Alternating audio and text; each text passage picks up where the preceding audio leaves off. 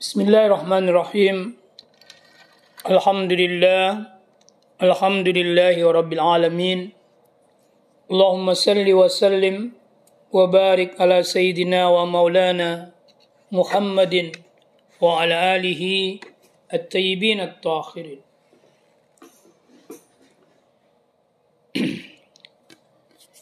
Insya Allah pada kesempatan ini saya tidak lagi membahas tentang uh, apa yang saya sudah jelaskan di dalam uh, pembahasan di podcast yang saya sudah kirim kepada uh, Anda semua.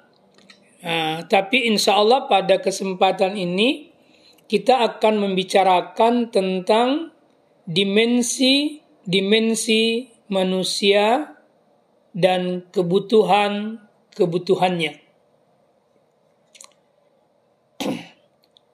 uh, seperti yang saya sudah jelaskan di dalam uh, pembahasan tentang istilah-istilah manusia, yakni istilah al-bashar itu menunjukkan bahwa manusia itu berdimensi biologis reproduksi. Kemudian istilah al-insan, al-ins, unas, annas itu menunjukkan konotasi makna manusia sebagai makhluk yang berdimensi intelektual peradaban. Makhluk yang berdimensi sosial masyarakat. Makhluk yang berdimensi religius spiritual. Di dalam pembahasan terdahulu juga saya sudah jelaskan secara sepintas lalu tentang kebutuhan-kebutuhan setiap dimensi-dimensi manusia. Dimensi biologis reproduksi itu membutuhkan pangan, papan, sandang, dan seks. Kemudian dimensi intelektual peradaban, dia membutuhkan ilmu dan peradaban. Kemudian dimensi sosial masyarakat, dia membutuhkan komunitas yang berbudaya. Dan dimensi religi spiritual, dia membutuhkan agama dan pengamalan agama. Dan semua itu merupakan kebutuhan primer. Jadi berdasarkan uraian ini kita bisa berkesimpulan bahwa kebutuhan primer manusia itu tidak tiga seperti yang selama ini kita diajarkan, yakni kebutuhan pangan, papan, dan sandang. Kebutuhan yang selama ini kita diajarkan, yakni kebutuhan pangan, papan, dan sandang sebagai kebutuhan primer, itu hanya terkait dengan dimensi biologis manusia saja. Bahkan ada satu kebutuhan primer manusia yang tidak dimasukkan di situ dalam konsep Adam Smith itu, yakni seks. Seks itu kebutuhan primer manusia. Kenapa disebut seks itu kebutuhan primer manusia? Karena manusia tidak mungkin berkembang biak tanpa seks. Tapi mengapa tidak dimasukkan dalam konsep yang diajarkan selama ini? Karena di barat sana seks itu tidak dianggap sebagai eh, suatu kebutuhan yang harus diatur. Berbeda dengan Islam. Jadi dalam pandangan Islam, kebutuhan primer yang terkait dengan dimensi biologis reproduksi itu termasuk seks. Karena itu dalam Islam diatur itu seks. Nah, Kebutuhan biologis reproduksi yang kita sudah sebutkan tadi itu sebenarnya terkait dengan dimensi jasmania manusia. Kalau kita hubungkan dengan unsur penciptaan manusia yang terdiri dari dua unsur, yakni jasmani dan rohani. Nah, berbeda dengan intelektual, dimensi intelektual yang membutuhkan ilmu dan peradaban, dimensi sosial masyarakat yang membutuhkan komunitas yang ber, berbudaya, dimensi agama yang membutuhkan agak pengagama dan pengamalan agama, tiga dimensi ini itu sesungguhnya bagian daripada unsur rohani manusia. Ya. Dan ini murni merupakan kebutuhan manusia sebagai manusia sejati. Sementara yang saya jelaskan tadi, yakni pangan, papan, sandan, dan seks, itu adalah relevan dengan kebutuhan kebinatangan. Karena itu juga disebut kebutuhan kehewanan manusia. Saya sudah jelaskan di podcast yang pertama. Nah, kalau Anda melihat gambar ini, keempat dimensi dimensi manusia dan berbagai kebutuhannya itu kita permisalkan dengan empat sudut meja atau empat kaki meja.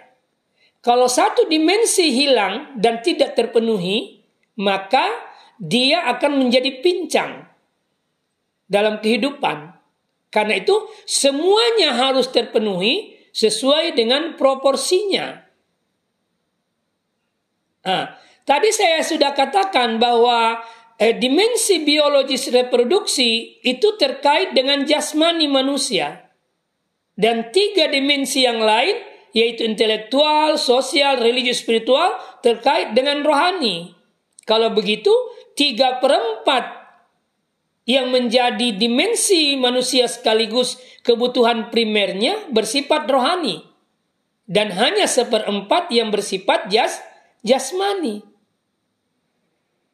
Coba bayangkan kalau yang tiga perempat ini diabaikan, lalu fokusnya manusia pada dimensi biologis.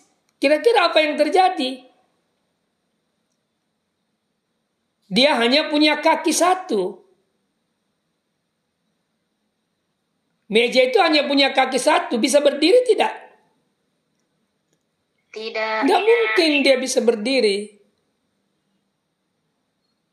Maka harus dibalik. Ketiga dimensi ini, yakni intelektual, sosial, dan masyarakat, yang merupakan unsur rohani, itu harus diutamakan. Kenapa mesti diutamakan dan diprioritaskan? Karena kalau ketiganya diprioritaskan, maka dimensi biologis reproduksi otomatis akan menjadi sehat.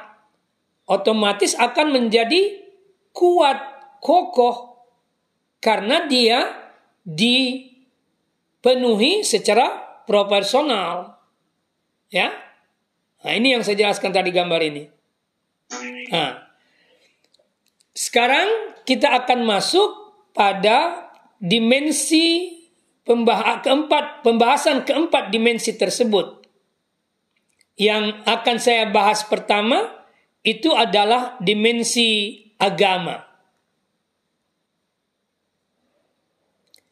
Mengapa dimensi agama yang pertama kita akan bahas?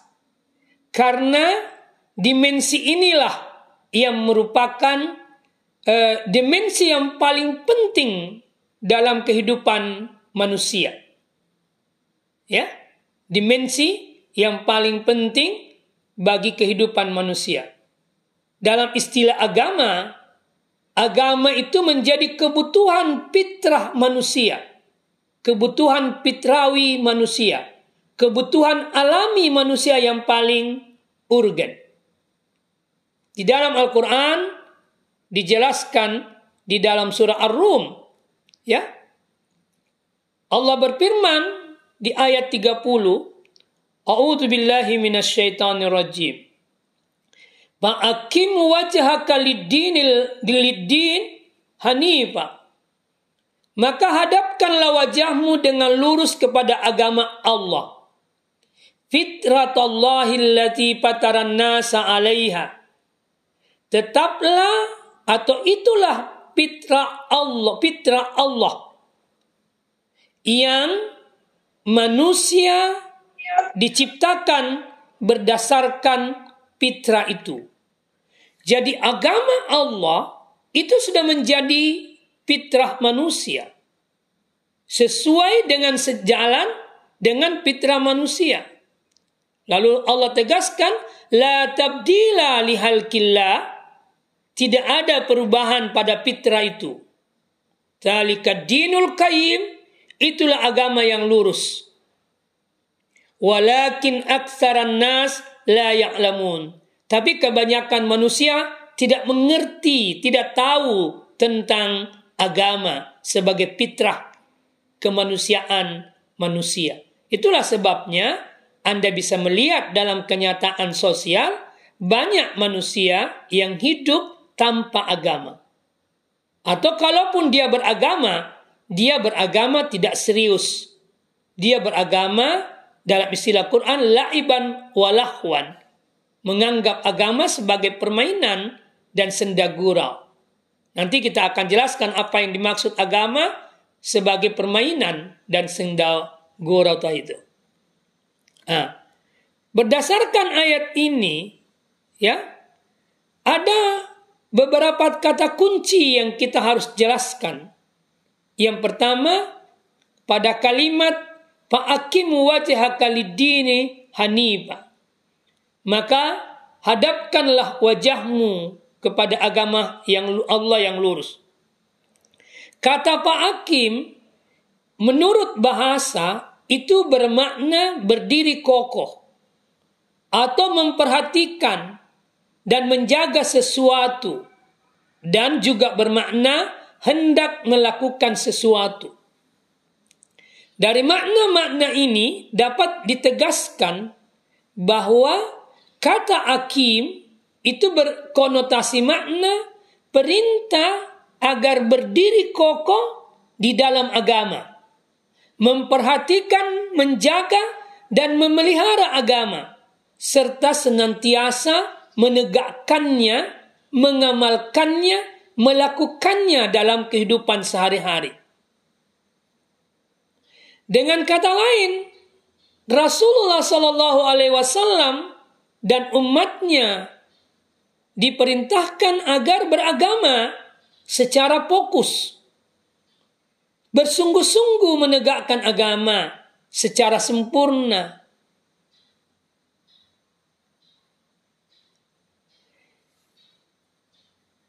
Makna beragama secara fokus, bersungguh-sungguh dan sempurna itu diisyaratkan oleh kalimat wajhaka. Wajhaka itu menunjuk makna wajahmu Muhammad atau wajahmu semua orang Islam atau wajahmu manusia. Wajah di sini menggambarkan makna totalitas diri manusia dan tidak parsial tidak sebagian-sebagian atau hanya aspek-aspek tertentu. Itu makna wajah. Coba lihat ya. Kalau saya datang kepada Anda dengan membuka wajah tapi menutup seluruh tubuh saya yang lain, apa Anda mengenal saya? Kalau wajah saya saya buka, wajah saya saya buka, wajah saya terbuka, tapi seluruh tubuh yang lain saya bungkus, Tak kelihatan, apakah Anda mengenal saya? Iya, Anda akan mengenal saya. Tapi kalau saya balik, wajah saya tertutup dan selain wajah itu tampak, apa Anda bisa mengenalnya? Tidak. Tidak. Itu menggambarkan bahwa wajah itu adalah totalitas diri manusia. Maka ketika Allah mengatakan Fa'akim wajah dini hanifa, itu perintah supaya beragama secara total, totalitas, secara sempurna. beragama secara totalitas itu meliputi seluruh dimensi kehidupan manusia. Maka penuhi kebutuhan dimensi biologis reproduksimu berdasarkan agama. Kebutuhan intelektualmu dalam cahaya agama. Kebutuhan sosial masyarakatmu juga harus dicahayai agama. Jadi agama mencahayai seluruh dimensi kehidupan manusia. Kalau itu yang terjadi, maka insya Allah manusia itu hidup dalam kebahagiaan dan keberuntungan. Tapi kalau tidak terjadi itu, maka manusia hidup dalam keru kerugian.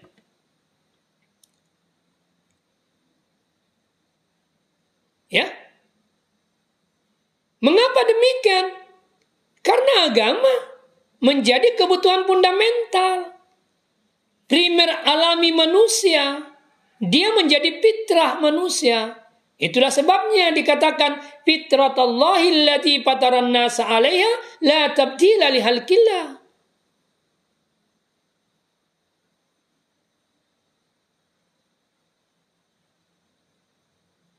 Tegasnya manusia yang hidup tanpa agama itu berarti dia sudah mematikan fitrah kemanusiaannya. Kalau dia sudah mematikan fitrah kemanusiaannya, maka dia sudah berhenti menjadi manusia. Dan pasti jatuh dalam kerendahan dan kehinaan. Yakni menjadi hewan bahkan lebih rendah dari hewan. Dalam bahasa Al-Quran disebut ulaika kal an'am mereka itu bagaikan binatang ternak bal adol, bahkan lebih sesat daripada binatang ternak. Untuk menguatkan pemahaman kita akan pentingnya agama sebagai sebuah kebutuhan primer yang paling fundamental, Einstein sebagai ilmuwan, begitu juga William James, Pascal, Ber Bergson itu berkata dan meyakini bahwa spiritualitas penyembahan atau agama tidak mungkin dapat dipisahkan dari diri manusia. Saya ulang, kelima ilmuwan ini menegaskan bahwa agama tidak mungkin dipisahkan dari diri manusia. Ini menguatkan apa yang saya tegaskan tadi, bahwa kalau manusia hidup tanpa agama, maka dia berhenti menjadi manusia.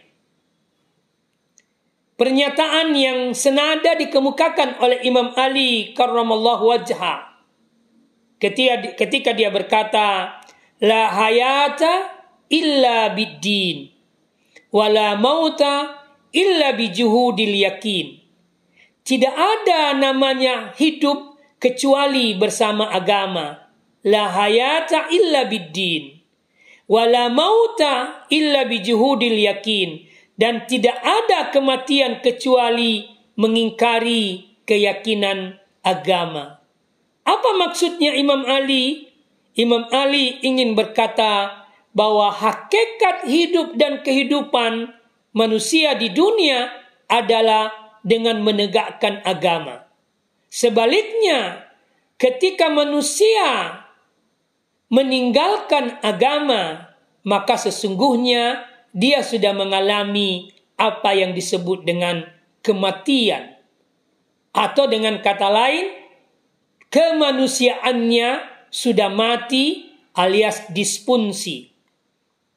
Jadi, Inilah yang dimaksud dengan kematian agama. Jadi kalau agama sudah mati dalam diri manusia, maka manusia itu secara otomatis berhenti menjadi manusia.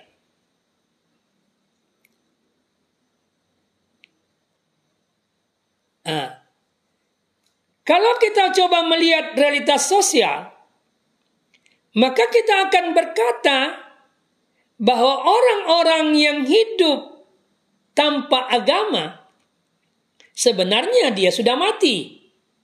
Meskipun dia belum wafat. Kenapa saya mengatakan meskipun dia belum wafat? Karena yang dimaksud wafat itu adalah sempurnanya waktu kehidupan dijalani. Jadi misalnya ada orang yang takdir kehidupannya 53 tahun, maka ketika takdir waktu kehidupannya itu 50 tahun, maka 53 tahun, maka dia sudah sempurna menjalaninya. Maka dia wafat. Maka dia wafat. Karena sudah sempurna waktu kehidupannya. Ada yang wafat pada umur 63, ada yang pada umur 70. Nah, tapi ada orang sebelum tiba waktu wafatnya, dia hidup menjalani kehidupannya di dunia tanpa agama. Maka orang ini sudah mati duluan sebelum dia wafat. Ada lagi orang, yakni yang hidup di dunia menjalani waktu kehidupannya dengan menegakkan agama, maka orang seperti ini tidak akan pernah mati meskipun dia sudah wafat. Dia tidak akan pernah mati meskipun dia sudah wafat. Anda bisa membaca di dalam Al-Quran ada ayat A'udzubillahi minasyaitonir rajim. Wala tahsabanna alladziina kutilu fi sabilillah amwatan bal ahya. Jangan pernah kau mengira bahwa orang yang hidup di dunia atau orang yang terbunuh di jalan agama Allah itu mati, amwat. Tidak. Atau orang yang wafat di jalan Allah itu amwat, mati, tidak bal ahya. Tapi dia hidup. Inda rabbihim yurzakun. Di sisi Allah mereka mendapatkan rezeki. Tapi kata ayat yang lain, la tas'urun. Kamu tidak merasakan bahwa mereka hidup. Nah, ini mengisyaratkan makna yang sangat dalam kepada kita bahwa kalau kita manusia ini menegakkan agama Allah, maka insya Allah kita akan hidup selamanya. Baik di dunia, di alam barzah, apalagi di alam akhirat. Pada kesempatan lain Imam Ali pernah berkata, "Ad-dinu ya'simu." Agama itu memeliharamu. Agama itu menjagamu. Agama itu akwal akwal iman. Agama itu adalah tiang yang kokoh. Maka ketika ada orang yang tidak beragama, atau hidup tanpa agama atau tidak memenuhi kebutuhan agamanya, maka dia tidak terpelihara. Dia tidak terjaga. Karena agamalah yang menjaga. Pondasi kehidupannya tidak kuat. Tiang kehidupannya tidak kuat. Dia rapuh dalam hidup. Karena itu orang yang beragama itu salah satu kekuatannya ketika dia berada dalam kesulitan, kesabarannya. Karena hanya orang yang beragama yang bisa sabar dengan benar dalam menghadapi sebuah kesulitan. Itulah sebabnya Imam Ali dalam banyak khutbahnya dia selalu berkata, "Ya ayyuhan nas, dinukum dinukum." Wahai manusia, Perhatikan agamamu, perhatikan agamamu. Imam Ali selalu berkata, dinukum, dinukum, agamamu, agamamu. Saya sering berkata kepada anak-anak saya, agamamu, agamamu nak, agamamu. Kenapa? Kata Imam Ali, fa inna sayyata bihi khairun minal hasanati bi gairihi. Karena keburukan atau melakukan dosa di dalam beragama itu masih lebih baik daripada melakukan kebaikan tapi tanpa agama. Kenapa? Bihi tughfar. Karena keburukan ketika yang kita lakukan ketika kita beragama itu tughfar. Itu diampuni Allah. Wal hasanutu bi ghairihi la tuqbal. Tetapi kebaikan di luar agama atau kebaikan yang dilakukan tanpa agama la tuqbal. Dia tidak akan pernah diterima di sisi Allah. Berarti sia-sia. Makanya dia selalu berkata dinukum dinukum. Perhatikan agamamu, perhatikan agamamu.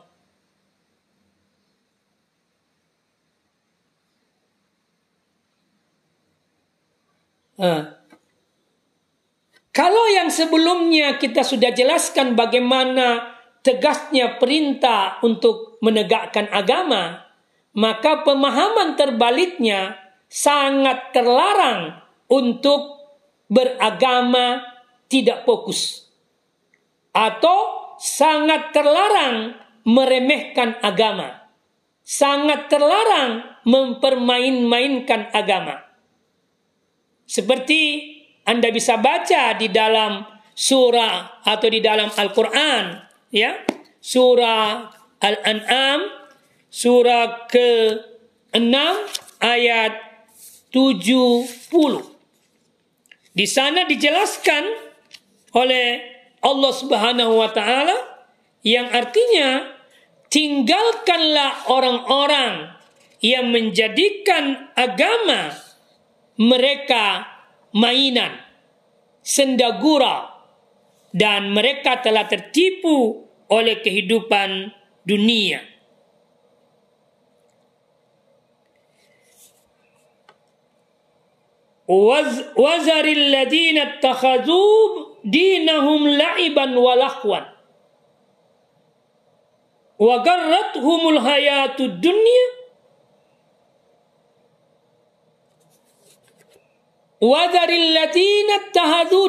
Tinggalkan.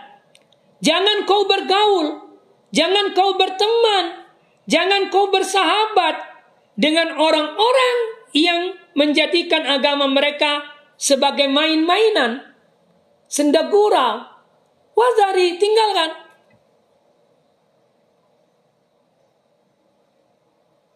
Kenapa orang bisa mempermain-mainkan agama dan menjadikannya sendagurau? Karena dia tertipu oleh kehidupan dunia. Tertipu oleh kebutuhan-kebutuhan biologis reproduksi. Maka kebutuhan agamanya diabaikan. Ya. Orang-orang yang mengabaikan agama itu tidak pantas dijadikan sahabat. Tidak pantas dijadikan rekanan hidup. Tidak pantas dijadikan sebagai teman setia. Quran sudah bilang, wazari, tinggalkan, jauhi. Ini. Kenapa karena kalau Anda bergaul dengan mereka, nanti ujung-ujungnya Anda juga akan menjadi kelompok orang-orang yang mempermainkan agama. Itulah sebabnya tidak salah dan sangat tepat kalau Nabi mengatakan dalam mencari rekanan hidup atau pasangan hidup itu carilah yang beragama. Paspar bisati din taribat yadaka. Kalau kamu pilih agama, pasti engkau akan bahagia. Meskipun boleh jadi pasangan hidupmu tidak kaya, pasangan hidupmu bukan dari keturunan raja dan sebagainya. Pasangan hidupmu bukan orang terhormat, tapi pasangan hidupmu yang beragama pasti kamu akan membawamu kepada kebahagiaan. Di dalam ayat lain juga dijelaskan di surah Al-A'raf ayat 51. Alladzina takhidhu dinahum lahwan wa la'iban wa garratuhumul hayatud dunya fal yawma nansahum kama nasu lika yaumihim hadha wa ma kanu bi ayatina yajhadun.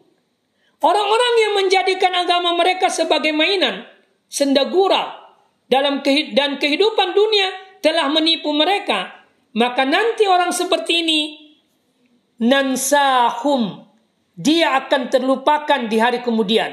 Dia dilupakan oleh Allah di hari kemudian. Kenapa? Kama nasulika ayomihim hadza. Karena memang dia juga melupakan hari pertemuan dengan Allah. Maka ketika dia bertemu dengan Allah di hari kiamat, dia terlupakan. Dan tidak ada kecelakaan dan kerugian, kesengsaraan yang paling besar kecuali dilupakan oleh Allah.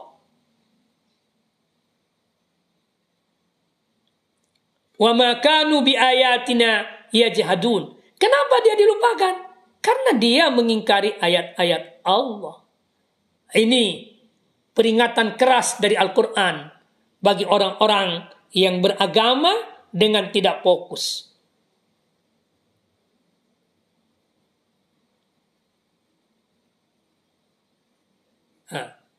Di dalam surah Al-Ma'idah juga dijelaskan. Anda bisa lihat nanti di dalam surah Al-Ma'idah ayat 57 sampai 58.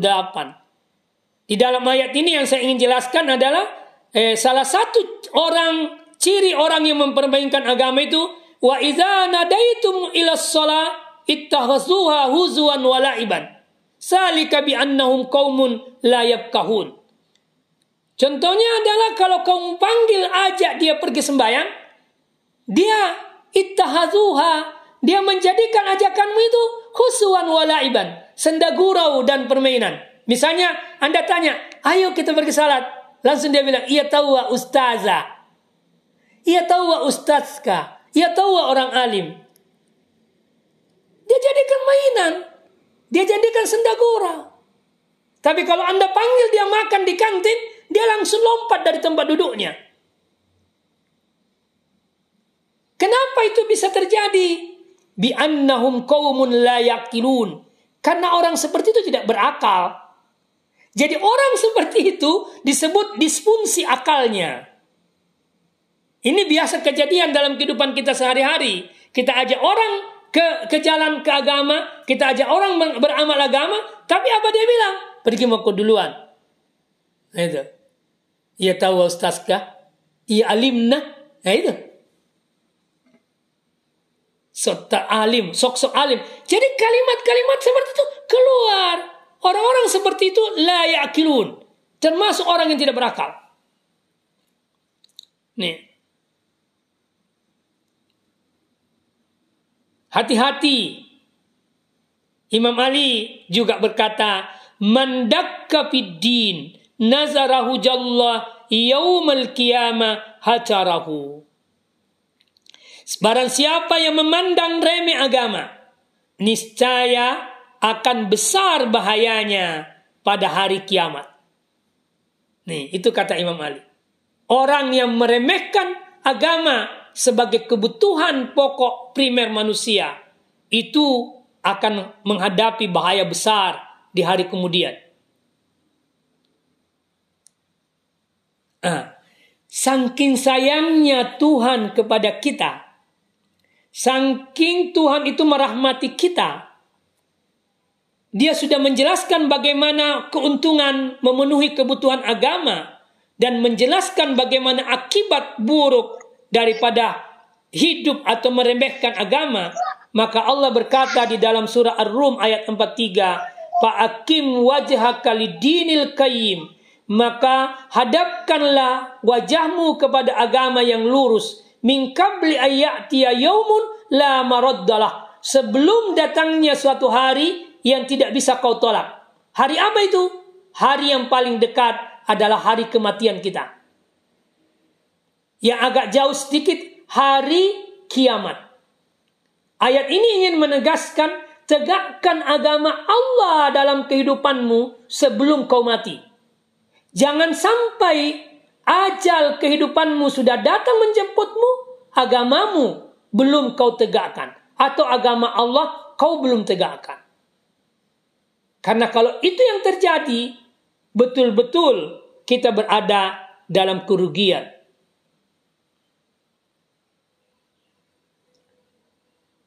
Perhatikan di sini Allah bilang tegakkan agama Allah sebelum kau mati. Allah tidak memerintahkan kepada kita jadi kayalah kamu sebelum kau mati. Allah tidak mengatakan kepada kita sehatkan tubuhmu, percantik tubuhmu, pergagat tubuhmu, bikin tubuhmu jadi atletis sebelum kau mati. Allah tidak perintahkan begitu. Kenapa? Karena tidak ada gunanya tubuh atletis gagah, tidak ada gunanya tubuh sehat tanpa agama hidup. Tidak ada. Tidak ada gunanya kaya tanpa agama hidup. Tidak ada sama sekali. Maka yang menjadi pondasi yang paling fundamental ketika manusia ingin hidup dalam kebahagiaan dunia dan akhirat adalah penuhi kebutuhan agama sebagai kebutuhan primer. Maka diperintahkan fa'akim wajhaka lidinil kayyib. Bahkan Imam Ali berkata seperti ini. Idza hadarat baliyatun. Kalau sebuah bencana datang kepadamu, faj'alu amwalakum duna ampusikum. Maka Jadikanlah bencana itu terjadi di dalam hartamu. Duna ampusikum. Jangan biarkan terjadi dalam dirimu, kata Imam Ali. Wa idza nasalat nasilatun faja'alu ampusakum duna dinikum. Kalau bencana itu musibah itu datang kepadamu, maka jadikanlah musibah itu pada dirimu, bukan pada agamamu. Jadi musibah atau bencana bisa terjadi pada diri kita dalam tiga bentuk. Musibah yang terkait dengan harta, musibah yang terkait dengan diri kita sendiri, dan musibah yang terkait dengan agama. Imam Ali berkata, kalau musibah kita disuruh memilih antara tiga musibah ini, maka yang pertama yang harus kita pilih musibah yang terkait dengan harta. Biarkanlah musibah terjadi pada hartaku, atas asal bukan pada diriku. Jangan biarkan musibah itu terjadi pada diriku. Tapi sekiranya musibah itu terjadi pada diriku, biarkanlah. Yang penting musibah itu tidak terjadi pada agamaku. Kenapa? Wa'lamu innal halika man halaka dinahu. Ketahuilah kata Imam Ali, sesungguhnya manusia yang paling binasa adalah orang yang agamanya binasa. Wal haribu man haraba dinahu. Dan orang yang diperangi adalah orang yang diperangi agamanya. Jadi agama menjadi indikator kemanusiaan kita. Itu tegas sekali Imam Ali berkata.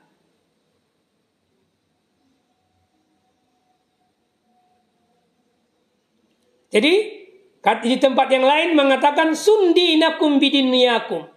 Ya, hidupkan agamamu, kuatkan agamamu dengan duniamu. Tarbahuma, maka duanya keduanya akan terpelihara. Jadi agama ini harus dikuatkan dengan apa saja yang menjadi fasilitas yang Allah berikan di dunia. Bukan sebaliknya. Wala tasum dinyakum bidinikum. Jangan kau topan duniamu dengan kehidupan agamamu. Artinya apa? Jangan kau kuatkan duniamu dengan menjual agamamu. Patah saruhuma. Kalau yang kedua ini yang terjadi, pasti kamu kedua-duanya binasa. Tapi kalau agama ditegakkan dengan kekuatan apa saja yang Allah berikan di dunia ini, maka dua-duanya akan kokoh dan menghasilkan kebahagiaan.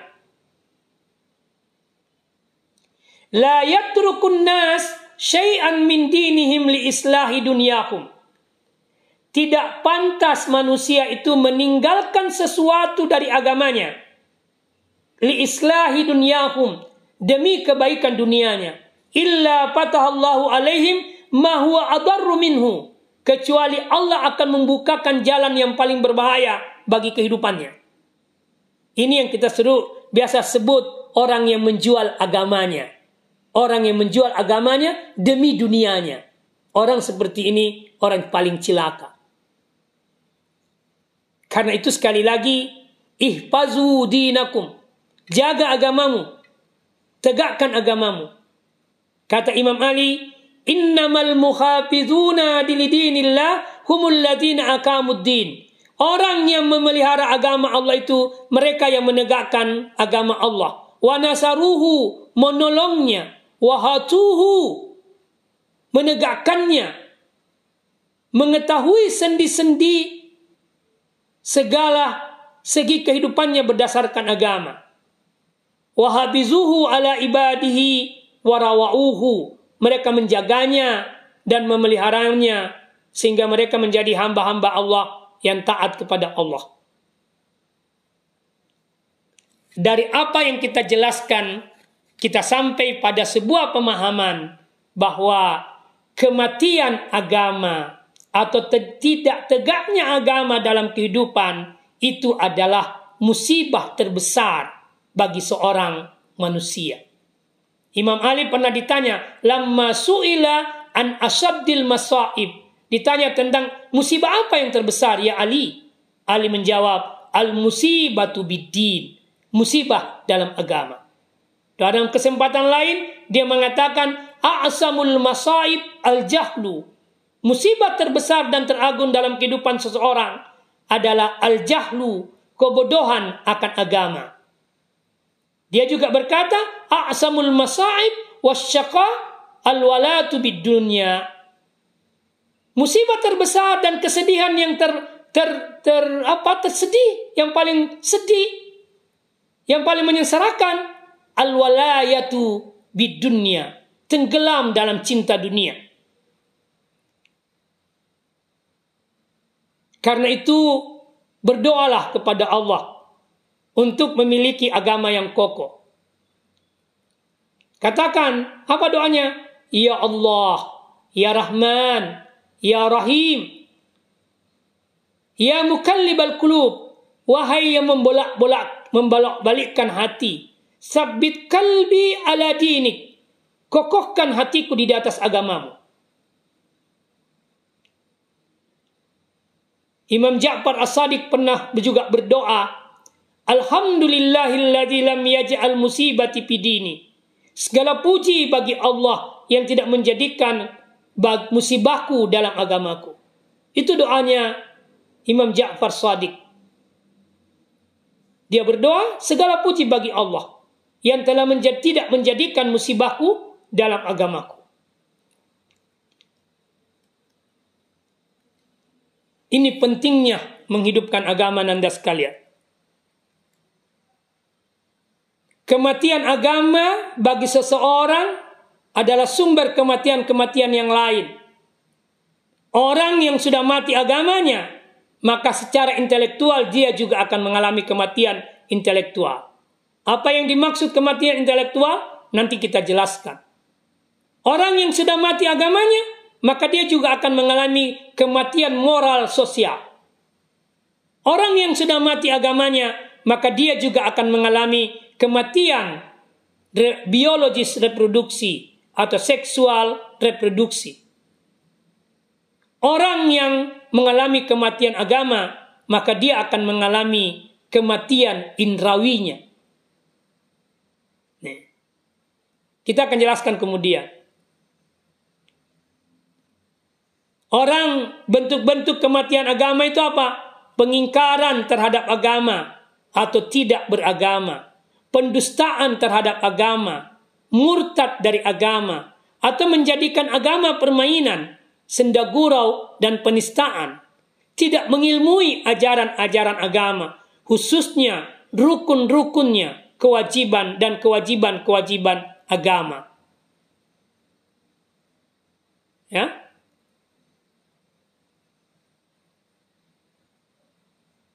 Jadi insya Allah kita akan jelaskan lebih lanjut bagaimana agama mencahayai dimensi-dimensi yang lain. Saya kira itu yang saya akan jelaskan kepada saudara uh, tentang uh, agama sebagai sebuah kebutuhan primer.